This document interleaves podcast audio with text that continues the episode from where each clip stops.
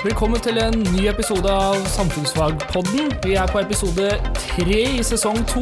Eh, nå er det bare meg og deg, Karoline. Altså meg, Even, og deg. Karoline. Eh, og eh, Sjøl om det var veldig hyggelig å ha med Simen forrige uke, så skal vi nå dra gjennom en litt mer sånn klassisk episode av Samfunnsfagpodden, der vi rett og slett tar for oss nyhetssaker. Nå er valget på mandag, og eh, det er siste skoledag før valget, så, eh, så, det er ikke så aktuelt å prate om det. Så vi kommer ikke til å ta for oss eh, lokalvalget i det hele tatt, selv om det, veldig mye har med lokalvalg å gjøre. Det stemmer, og jeg vil bare skyte inn at det har jo også vært skolevalg. Så det vel veldig mange som også er ferdig med å stemme der. Så ja. vi håper alle har brukt stemmeretten sin. Da, for Vi skal begynne med en sak som har prega nyhetene veldig mye den siste uka. Og Det er saken om Bergljot Gjelsvik, som eh, fikk en forferdelig skade da hun ramla ned trappa. Og da begrepet BPA er noe som jeg tror har kommet opp i bevisstheten til mange etter den diskusjonen som kom etter Brennpunkt-episoder, som tok for seg hennes historie. BPA står for brukerstyrt personlig assistanse. Og jeg må innrømme at før jeg så den dokumentaren her, så hadde jeg kanskje en sånn vag forståelse av hva det handler om. Men det det handler om, er ikke stell og mating og sånne ting.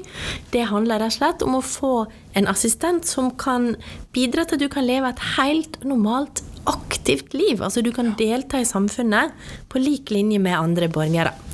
Og det som eh, den dokumentaren som vi snakker om nå, en Brennpunkt-dokumentar, handla om og tok for seg, var rett og slett at det er jo en menneskerett. Det der med å kunne ha et fullt liv der du deltar både i arbeidsliv og i samfunnsliv. Og menneskerettighet er jo noe vi i samfunnsfaget er opptatt av. Ja, menneskerettigheter er en ganske stor del av faget vårt. Eh, og det spenner jo fra, fra liksom det, det, det, Altså fra det veldig basale, som at vi skal ha rett på mat og husly og et trygt liv, til ting som, som altså, vi sliter med å møte også i Norge. Eh, og eh, det har jo vært diskusjoner rundt BPA tidligere. Jeg har en, en, en, en som jeg gikk på skole med på, på, ungdomsskolen, som sleit veldig med det her, bl.a. i Trondheim når han flytta dit for å studere, hvor det var et kjempestort problem. fordi at Eh, samfunnet var på en måte ikke rigga for det her. Og det er jo det vi ser med Bergljot også, eh, at hun ikke får den hjelpa hun trenger. Og da eh, vil det være et menneskerettighetsbrudd hvis hun ikke får muligheten til å gjøre det, det eller ha et aktivt liv rundt seg og kunne delta i samfunnet rundt seg. Og I tillegg så har hun havna på en demensavdeling på, på Ullern helsehus. og det, Den demensavdelinga er sikkert en bra avdeling, men for mennesker med demens. Og, og at hun ikke engang havna på en avdeling der hvor, der hvor man på en måte var, eh, var, på et litt høyere funksjonsnivå. For mennesker som har demens, er jo gjerne ganske Sliter med sosiale relasjoner og sliter med å, å på en måte få ting til å henge i hop. Og når man da er helt frisk i hodet, men eh, lam i kroppen, så må jo det være en helt fryktelig ting å bli utsatt for, egentlig. Det tenker jeg også. Og vi som, eh, når du ser på Bergljot sin historie, så var jo faktisk professor i psykologi og jobba med forskning ved et av de beste universitetene i verden, Oxford University. Mm. Så har hatt en veldig sånn meningsfull karriere, et veldig aktivt liv med sosiale, både sosialt og yrkesmessig, og så plutselig skulle sitte på en demensavdeling på Ullern, så tror jeg det må være et sjokk, rett og slett. Og et veldig sånn tap av mening, da. Eh, og det du sa om BPA, eh, jeg bare tenkte å utfylle også, for det som kanskje ikke alle vet, og jeg ikke visste før, var at det siden 2015 så har funksjonshemma som har behov, for de har faktisk krav på brukerstyrt personlig assistanse. Det var et lovforslag som har blitt vedtatt. Men likevel så er det sånn at bare 3500 av de 14500 som trenger det, får det. Og mm. da handler det litt sånn om også hvordan styringssettet i Norge bygd opp. Så det er også et mål i samme sak. Tenk kanskje kunne si litt om det. For her har vi da på statsnivå, altså i Stortinget, vedtatt en lov. Mm. Og så er det da i kommunen eh, at vi har helsetjenester. Og hva skjer i kommunen? Nei, da skal jo kommunestyret følge opp det. Og så vil jo da kanskje kommunestyret si vi får ikke nok penger. Så her kan det hende det er flere forklaringer for hvorfor det her skjer. Det ene forklaringa kan være rett og slett at man har vedtatt en lov som koster veldig mye penger, og så har ikke kommunene nok penger til å, til å ansette folk. For en brukerstyrt personlig assistent er jo en person som følger deg i ganske stor andel av uka, i hvert fall hvis du har eh, relativt store utfordringer. Og eh, da vil det være en ganske stor lønnspost for kommunen, og hvis det ikke følger med penger, så er det en utfordring utfordring. Og det følger jo med penger, som de sier, men det er ikke øremerka penger. Det er jo sånn typisk ting også. Det ser vi jo med skolen, f.eks. Før så var de pengene som ble bevilga fra staten til kommunene, for skole, det var øremerka, og da gikk alt til skolen. Eh, sånn, sånn, som det er nå, så må, er det kanskje andre ting som haster mer, og så må man bruke de pengene. Så da sitter vi igjen f.eks. med skoler med tunge basseng, noe vi ikke hadde på 70-tallet i Norge. Mm. Og det samme er det med BPA. Det har fulgt med en pott, jeg lurer på om det var 500 millioner. Mm. Men eh, de pengene er da ikke øremerka, og da blir det veldig forskjell. Så hvis du har, bor i en kommune med god økonomi, så får du BPA. Hvis du bor i en kommune med dårlig økonomi, så får du rett og slett ikke det. Ja. Og det er jo det som eh, man har diskutert mye på, at det her går utover menneskerettighetene. For som Bergljot sjøl sa, det handler ikke om eh, Altså det, det hun får tilbudt av og dekket av kommunen, det tilsvarer liksom å bli mata og bli stelt, mm. og så That's it. Mm. Og for henne så er ikke det noe liv. Og eh, menneskerettighetene som eh, også FN har kommet med en sånn presisering om at, da, eh, at vi må passe på at de som er funksjonshemma, også får innfridd menneskerettighetene sine på samme måte som alle andre. Man burde jo mm. ikke ha måttet presisert det, for vi er jo alle mennesker. Men det har man da sett, at det, man har måttet gjort det. Og det er en utfordring. At man faktisk må kunne si fra. Da. Bare, bare altså det, du kan ta eh, hvilket som helst menneske i Norge, tror jeg, så vil det å gå til avisa og si fra om noe være veldig vanskelig. Eh, og det er tøft gjort av Bergljot her å gjøre det, fordi at du stikker huet ditt fram. Eh, det er det, og det ser vi jo i demokratiet. Ikke sant? At mm. deltakelse i demokratiet henger sammen med makt, mm. rett og slett. De som eh, sitter, er ressurssterke, da. Vi har lov å bruke det begrepet. Jøss, yes, eh, de har ofte bedre tilgang til å påvirke demokratiet. Definitivt. Så svake grupper skal man absolutt eh, støtte rettighetene til. For det er jo det sånn som det er med velferdsstaten. Folk kan åkke seg over hvor mye skatt vi må betale. Mm. Men plutselig en, dag så er det du som har falt i trappa og trenger de tjenestene her. Ja. Det er jo en ting å ta med seg for eh, virkelig eh, hvor viktig det er at vi har det apparatet rundt oss, og at det apparatet er klart å stille opp for oss. Og det var det jo helt åpenbart ikke når Bergljot eh, falt i trappa. Hun eh, fikk ikke det hun skulle ha, hun fikk sikkert hjelp i, og god hjelp i forhold til det fysiske og den oppfølginga hun har fått etterpå, men når man ikke blir fulgt hele veien, så er det en, eh, er det en utfordring. Eh, og det her er jo en god grunn når man ser, ser folk i, i, det offentlige ordskiftet, da, i debatten, sier sånn der ja, men det har ingenting å si hvem som styrer, eller politikken har mindre å si for vi har det så bra, og alle disse tingene her, så ser man sånn Nei, veit du hva, det er faktisk sånn at også i Norge i 2019 så er det en god del ting som ikke er på plass, og det her er ikke det eneste situasjonen hvor Norge har blitt eh, anklaga for menneskerettighetsbrudd. Eh, det gjør vi nok ganske jevnt og trutt på flere områder, eh, fordi at menneskerettighetene er krevende. Det krever veldig mye av oss å, å, å, å oppfylle dem. Og det er fordi de ligger på liksom, Det er et høyt nivå nivå, altså. Ja, og kanskje man ikke tenker på det alltid, at det her handler om menneskerettigheter. Det husker jeg faktisk eh, når kommunestyret her behandla eh, saken som handler om HC-parkering eh, i eh, Kongsberg. Mm. For da ble det mye sånn teknisk prat om parkeringsplass og sånne ting. Men faktisk så handler det om menneskerettigheter. Fordi eh, har du funksjonsnedsettelse, så har du en spesiell utfordring med å komme deg rundt. Mm. Og vi må komme oss rundt. Skal vi kunne delta i møtevirksomhet, ha et meningsfullt eh, fritidsaktivitetsliv, mm. møte folk, delta i samfunnet, delta på jobb. Mm. Og da vil det å ikke kunne få parkeringsplass kunne være mye mer alvorlig for et menneske med funksjonsnedsettelse enn for andre som kan bare sykle og gå. Ja, definitivt. Og den eh, parkeringsplassen må være tilgjengelig også. Jeg prata med en som, eh, som, eh, som, hadde funksjonsnedsettelser og, og hadde en, en, bil. da, og Den bilen er jo relativt høy, og vedkommende fikk da ikke bilen inn i parkeringshuset på Stortorvet her i byen, der hvor HC-parkeringa var. Ja. Og da er det jo en utfordring, for at ja, da er det HC-parkering, men er ikke, den er ikke tilgjengelig, og det er en utfordring. Snakka også med en annen person som sier sier at det er veldig lite gøy at eh, jeg må rulle inn bakinngangen på skolen min når jeg skal på skolen, for det er der det er heis. Altså At man ikke kan gå inn den samme inngangen som de andre. Altså det, det er ikke nødvendigvis Hvordan føles det ja. å måtte gå inn bakveien? Ja. Dette har jeg også litt erfaring med, for jeg jobber i teater i Oslo som mm.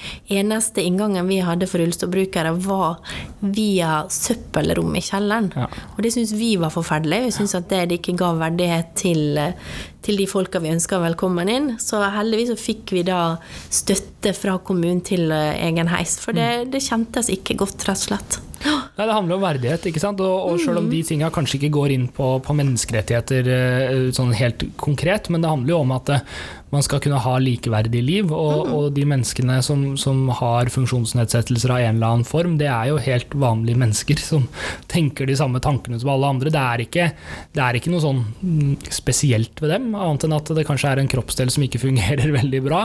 Eh, og da må, man, da må, man, også huske på det eh, i alle mulige situasjoner. Og det her er virkelig en sak som det går an å engasjere seg i, for jeg tror ikke det er fremst i pannebrasken på, eh, på alle og enhver i, i, ulike situasjoner. Um, jeg tenkte litt på det slagordet igjen. Sånn, 'Ingen er fri før alle er fri'. Ja. Det er et så gammelt, fint slagord som ofte blir brukt i pride-sammenheng. Og det vi så i Brennpunkt også, da, jeg anbefaler jo folk å se den dokumentaren, var at det de eh, funksjonshemma som gruppe har faktisk en årlig pride. Mm. Der de marsjerer i gatene for sine rettigheter, for synlighet. For at vi alle skal være litt sånn bevisste på dem som gruppe. Ja. Alltid. Ikke bare sånn i eh, Ja, ikke bare i spesielle tilfeller. Men det er også en del av det norske samfunnet. Og, og folk som vi må legge, rette, legge til rette til for at vi skal ha et velfungerende demokrati for alle. Ja, og så er det også et annet begrep i samfunnsfag vi kan trekke inn her, og det er jo fordommer.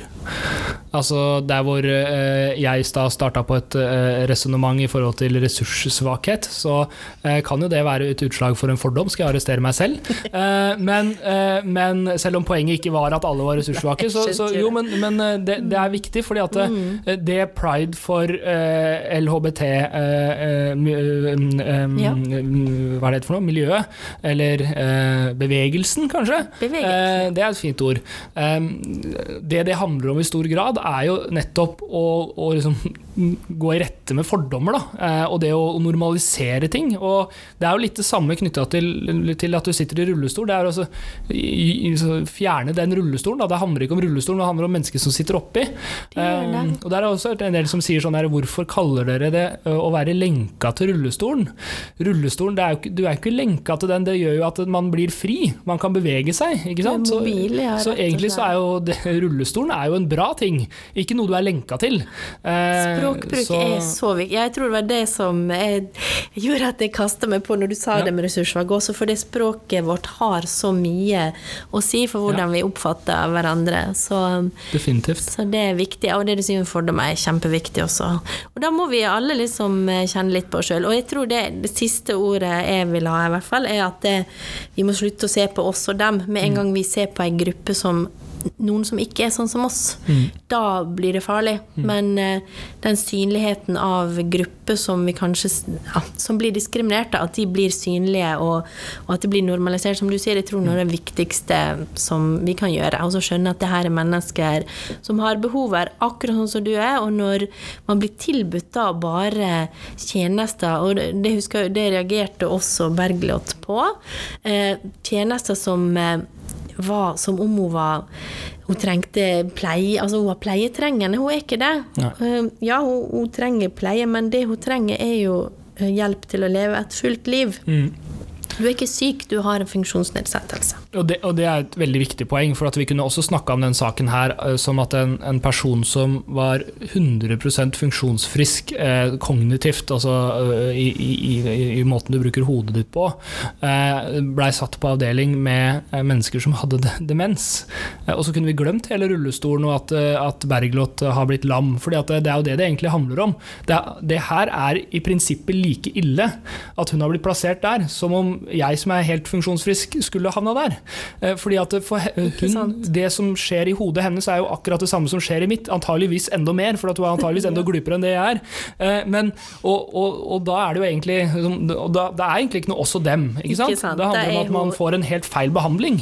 Og det er, det er jo det virkelig gale her, i tillegg til at hun ikke får BPA, selvfølgelig, som, som er en kjempeviktig eh, ting for at hun skal få lov til å, ja. å, å leve Hun har liksom blitt feilkategorisert som pleietrengende. Ja. Eh, på lik linje med folk som har d- d- framoverskriden demens. Ja. Altså demens, for de elevene som ikke vet det, er jo når hjernen de begynner å forfalle, sånn at Ja. du mister flere og flere funksjoner i hjernen. Så, Klassisk at man begynner å glemme ting, da. Ja. Altså ikke huske og til slutt uten språk, rett og slett. Så ikke akkurat en god match. Ja, men flott, da føler jeg at vi har kobla det til begreper både menneskerettigheter, velferdsstaten, fordommer og diskriminering, og litt i forhold til demokrati og som det med deltakelse og makt og sånne ting. Da skal vi over til neste sak, Ja. og den eh, foregår jo i vår verden, da. Det var på en skole i Lillestrøm. Vil du fortelle litt om hva som har skjedd der? Ja, da er det jo et NRK-program som heter NRKs eh, eller Folkeopplysningen, som er, eh, er leda av eh, eh, Val. Eh, Et veldig bra program, egentlig. Jeg syns de har hatt veldig mange interessante dokumentarer som jeg har brukt i eh, undervisninga sjøl, som de liksom tar opp ulike problemer eller ulike saksområder i, i, i, eh, i, i verden, eh, som de på en måte går inn i og ser hva er sant og ikke sant. Og eh, Denne gangen så skulle de da gå inn i, i, i temaet fake news. Eh, og eh, i og for seg så er det jo interessant det de setter i gang. For det de, målet deres var å prøve å gjøre det minste partiet ved skolevalget på Lillestrøm videregående til det største. Eh, altså det minste forrige valg til det største det valget her. Eh, og det skulle de gjøre ved å bruke klassiske sånn fake news-kanaler og inn og, og infiltrere ulike sosiale miljøer. Eh, fremstå som noen andre enn det de var. Eh, og så opprette ei, ei, eh, ei egen sånn Facebook-side som heter Klimastreik Lillestrøm. Som de da ønska å, å, å på en måte få disse elevene til å endre mening på bakgrunn av det. Jeg syns jo det er litt interessant eh, at de gjør et sånt eksperiment, for det er jo litt sånn eh, at eh, ok, vi, vi forteller jo elever om hvordan brexit-valget ble påvirka akkurat på den måten her, og hvordan eh, valget der Trump endte opp med å sitte med jokeren, eh, hvordan det også var prega av påvirkning på sosiale medier. men når du, først, når du får oppleve det i praksis, så er jeg sikker på at det, man kanskje lærer mer enn å bare høre om det. For det er jo fakta det her blir gjort. Og eh, det er jo taktikker som de ikke har bare funnet på.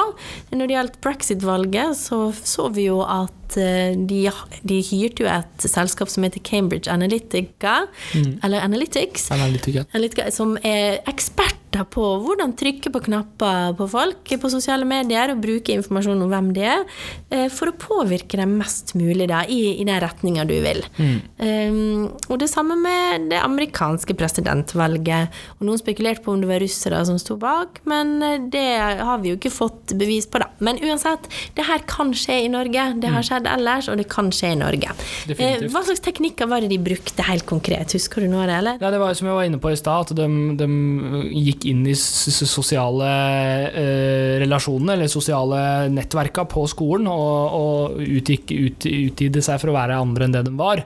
For å, og gjerne da, vil jeg tro, å være en videregående elev som da kommer med ulike utsagn. Um, og i tillegg til å bruke denne Facebook-sida som heter Klimastreik Lillestrøm. Um, og så kan man vel si da, at eh, det er mye som tyder på at du skal ha et eller annet talent for å få til det her. At det ikke er veldig lett å få til, for det, jo, det var ingenting som tyda på at Val lykkes.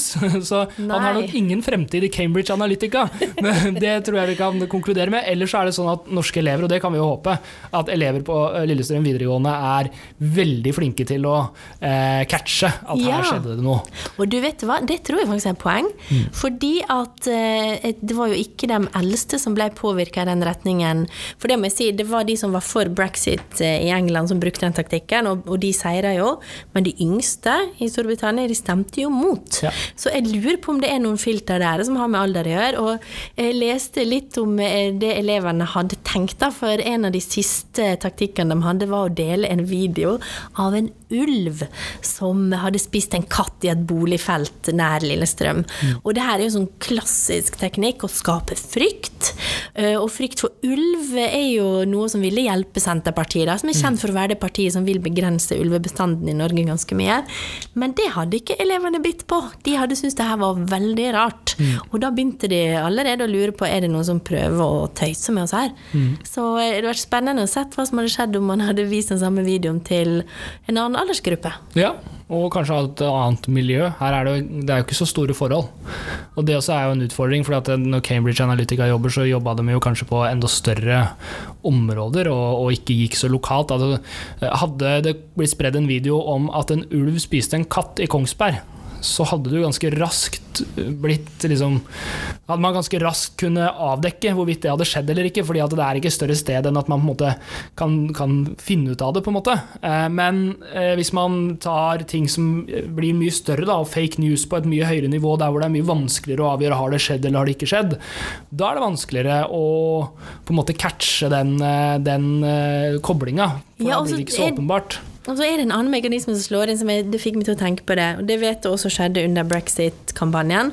Det er at det, når du ser en sånn nyhet, fake news, som bekrefter noe du tror fra før, mm. så gidder ikke du å sjekke opp. Nei.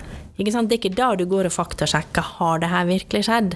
Så det avhenger faktisk litt altså De valgte jo det minste partiet blant elevgruppa, som var Senterpartiet. Mm. Så hadde de valgt, eh, gjort det med et parti som kanskje hadde større oppslutning, da, som de var enig med i utgangspunktet, mm. så kan det jo hende at de da ikke hadde vært så skeptisk. Antageligvis. Eh, for det, det, var jo også det de gjorde med den eh, Cambridge Analytica. altså det de gjorde, det var jo ved å bruke, ved å kjøpe data fra Facebook, og det her er jo litt om hvorfor Facebook er et problem, mm. eh, om brukere, så fant de ut hvem er mest innvandringsfiendtlig, faktisk. Hvem er sånn og sånn. Og så sendte de da saker målretta rett til de folka som speiler de holdningene og forsterker dem. Mm. Så hvis du, de var kritiske til eh, islam, så fikk de den nyheten om at det, eh, med brexit hvis vi får til brexit, så blir det slutt på den innvandringa her. Og mm. gjerne med litt sånn skremmende bilder som kan trykke ekstra på frykt. Mm. Og I tillegg så er det såkalte dark posts. Og en dark post på Facebook er ganske skummelt, for da kan du legge ut en eh, post fra en side, og det kan være et seriøst parti eller en seriøs organisasjon. Du kan legge ut en post som ikke syns på tidslinja til den, den organisasjonen, men du kan eh, reklamere for den. Og jeg er ganske sikker på at det ble en endring nå etter det Cambridge Analytica-sakene, at du ikke lenger får gjort det. Men det var jo noe man kunne gjøre under Trump-valget og brexit-valget, at man kunne ha disse, og, og problemet da er at eh, hvis du er innvandringskritisk og jeg ikke, og du får opp uh, den eh, annonsen, så vil du kunne kikke på den, og så kan du komme til meg og si Vet du hva, jeg leste det, og så kan jeg prøve å finne ut av det, men jeg klarer ikke å finne ut av det, for den posten eksisterer ikke for meg. Jeg, jeg kommer aldri til å se den posten. Og det gjør jo også at det, eh, kontrollmekanismene mot hverandre heller ikke fungerer. For det er jo litt sånn i, Nå har vi vært gjennom en valgkamp i, i, i, Norge nå, og da er det jo litt sånn at partiene passer litt på hverandre. Så hvis det er sånn at det, uh, Høyre liksom kommer med en helt sånn spinnvill sak, så vil, vil det komme noen andre og si sånn Nei det der, der det går ikke an. Det, det er umulig. Eller, eh, og tilsvarende vice versa. Ikke sant? Så, ja, så man passer litt på hverandre. Så, ja. så, det er ikke så lett å Det blir på en måte ikke bare én person med ropert, som det blir med sånne dark posts, men det blir to personer med ropert, da, og så kan det være litt slitsomt. Og folk kritiserer politikere for å være litt sånn bråkete og krangle med hverandre og sånn. Men samtidig så er det også med på å måte, regulere det, sånn at man ikke får de ekstreme ytringene. ytringene. Ja, en kontrollmekanisme kan man kanskje kalle det. Ja, så det å styre informasjon er da veldig viktig i dagens samfunn. Eh, og da gjelder jo det å være kritisk til kildene. Og Det er derfor vi maser så mye om det. Heldigvis så tror jeg at uh, den elevgruppe eller aldersgruppe som våre elever er er godt rusta i utgangspunktet. Men uh, selvfølgelig det kildekritikk er noe vi skal absolutt jobbe hardt med i samfunnsfag, og det er noe som ja, jeg tror en av de viktigste ferdighetene vi kan lære folk som skal delta i demokratiet framover. Hva tror ja. du? Jo, jeg tror virkelig det, og jeg tror også at uh, den, den, måten vi ser på kildekritikk i dag, må hele tida utvikle seg. fordi at Eh, vi vil hele tida møte nye, nye på måte, påfunn og funksjoner og systemer som prøver å forandre eller påvirke oss da, på ulike måter. Og, eh, altså, når jeg gikk på ungdomsskolen, så var det en helt annen forståelse av kildekritikk. Da var det sånn hvis nettsida ser litt rar ut, er det neongrønn skrift på svart bakgrunn, da skal du styre unna. Og er måte, Da er det ganske greit. Da Det er sånn ja, ok, den her så helt sjuk ut, den nettsida, da bare styrer jeg unna. Men Nå er det jo ikke sånn lenger. Altså, det er veldig lett å lage eh, og produsere eh, både illustrasjoner og materiell og nettsider og alt som måtte til, på en veldig profesjonell måte. Altså, det er nærmest tilgjengelig for hvem som helst eh, å lære seg å bruke. Det er umulig å, bare se på grunn av det. Så man må skjønne til Man må ha mye mer kunnskap, tror jeg, ja. for å kunne avdekke de tinga. Men det var i hvert fall gode nyheter, da, at det ikke funka. Men det mm. kan være mange forskjellige grunner til det. Og, og det som jeg til slutt syns var veldig fint, da, er at det, eh, selv om mange har reagert på at de gjorde et sånt eksperiment, for i forskning så er det jo noe som heter etikk, at man mm. liksom skal ikke drive og forske på folk eh, sånn helt uten videre. Man skal koble på litt etikk og tenke på hva det er lurt. Men elevene sier at eh, de syns det var Vi føler oss opplært og ikke lurt, sier det en sak her på NRK. Mm. Så, men sånn learning by doing, eller det å oppdage ting sjøl og erfare det, tror jeg på som god læring, men ja. Og noen frykter at det kan gi et utslag i forhåndsstemmene, fordi de avslørte jo det her før skolevalget, men noen ja. hadde jo forhåndsstemt. Da, da kunne du forhåndsstemme ja. tre uker før. Og, og, veldig mange av spesielt de politiske ungdomspartiene har vært veldig kritiske til, til det NRK har gjennomført her. og Både, både Senterpartiet sine, sine, folk har vært ute og, og, kritisert det, og også veldig mange av de andre ungdomspartilederne har vært ute og kritisert NRK ganske hardt for det de har gjort.